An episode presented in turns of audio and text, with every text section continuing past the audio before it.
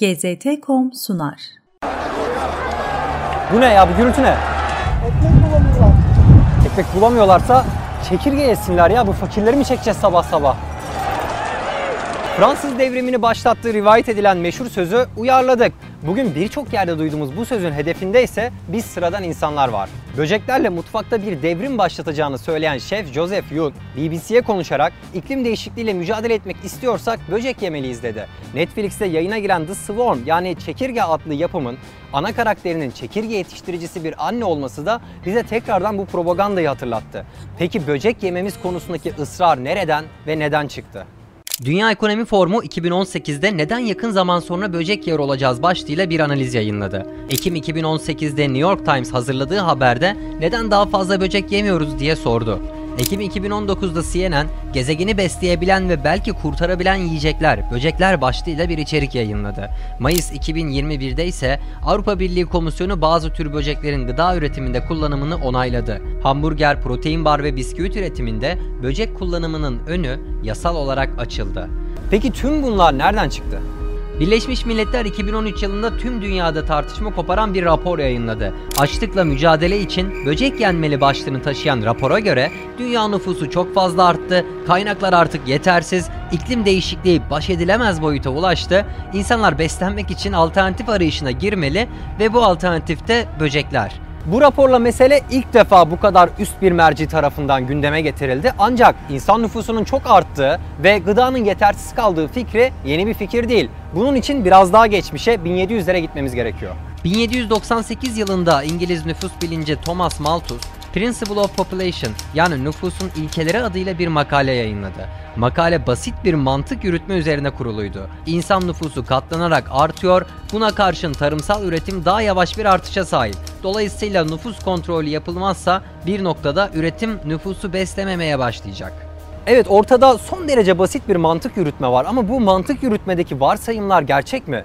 Buraya gelmeden önce 1800'lü yıllara geri dönelim. Malthus'un makalesi yalnızca basit bir çıkarımı içermiyordu. Aynı zamanda soğukkanlı bir soykırım çağrısına da bulunuyordu.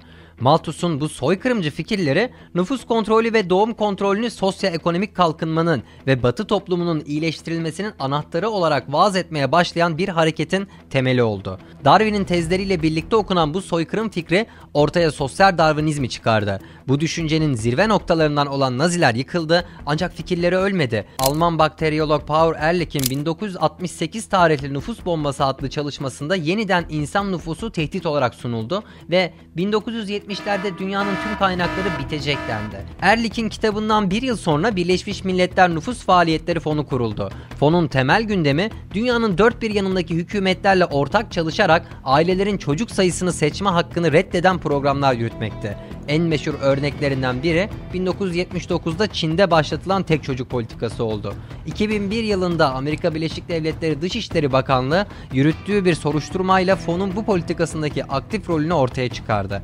Bu durum fonun itibarını zedeledi ancak batılı milyarderler arasında hızla yayılan bu soykırımcı düşünce son bulmadı. Bill Gates gibi dolar milyarderlerinin dünya nüfusunu azaltmalıyız açıklamalarıyla seslendirdiği de aslında bu elit soykırımcı düşüncenin bugüne ulaşmış hali. Bu kısa tarihçenin ardından en başa Malthus'un kurduğu basit mantığa, aşırı dünya nüfusu ve tarımsal kaynaklar hakkındaki varsayımlara dönelim. Nüfus teknik olarak hala artıyor ancak Birleşmiş Milletler Nüfus Biriminin rakamlarına göre bu büyüme önemli ölçüde yavaşlıyor. Kurumun verilerine göre dünya nüfusuna önümüzdeki 30 yıl içinde yalnızca yaklaşık 1 milyar insan daha ekleyecek ve 2040 yılında yaklaşık 8.02 milyar insana ulaşacak.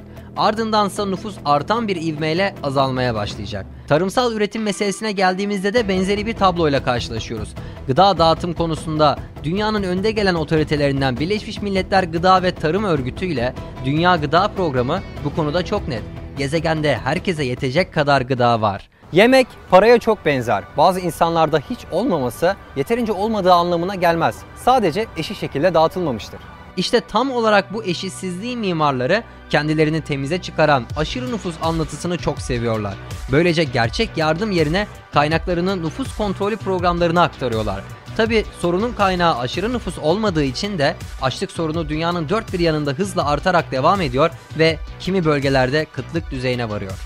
Bize bugün dünyayı kurtarmak için çekirge yiyin diyenler de bu yalanlar silsilesinin propagandasını yapıyor. GZT.com sundu.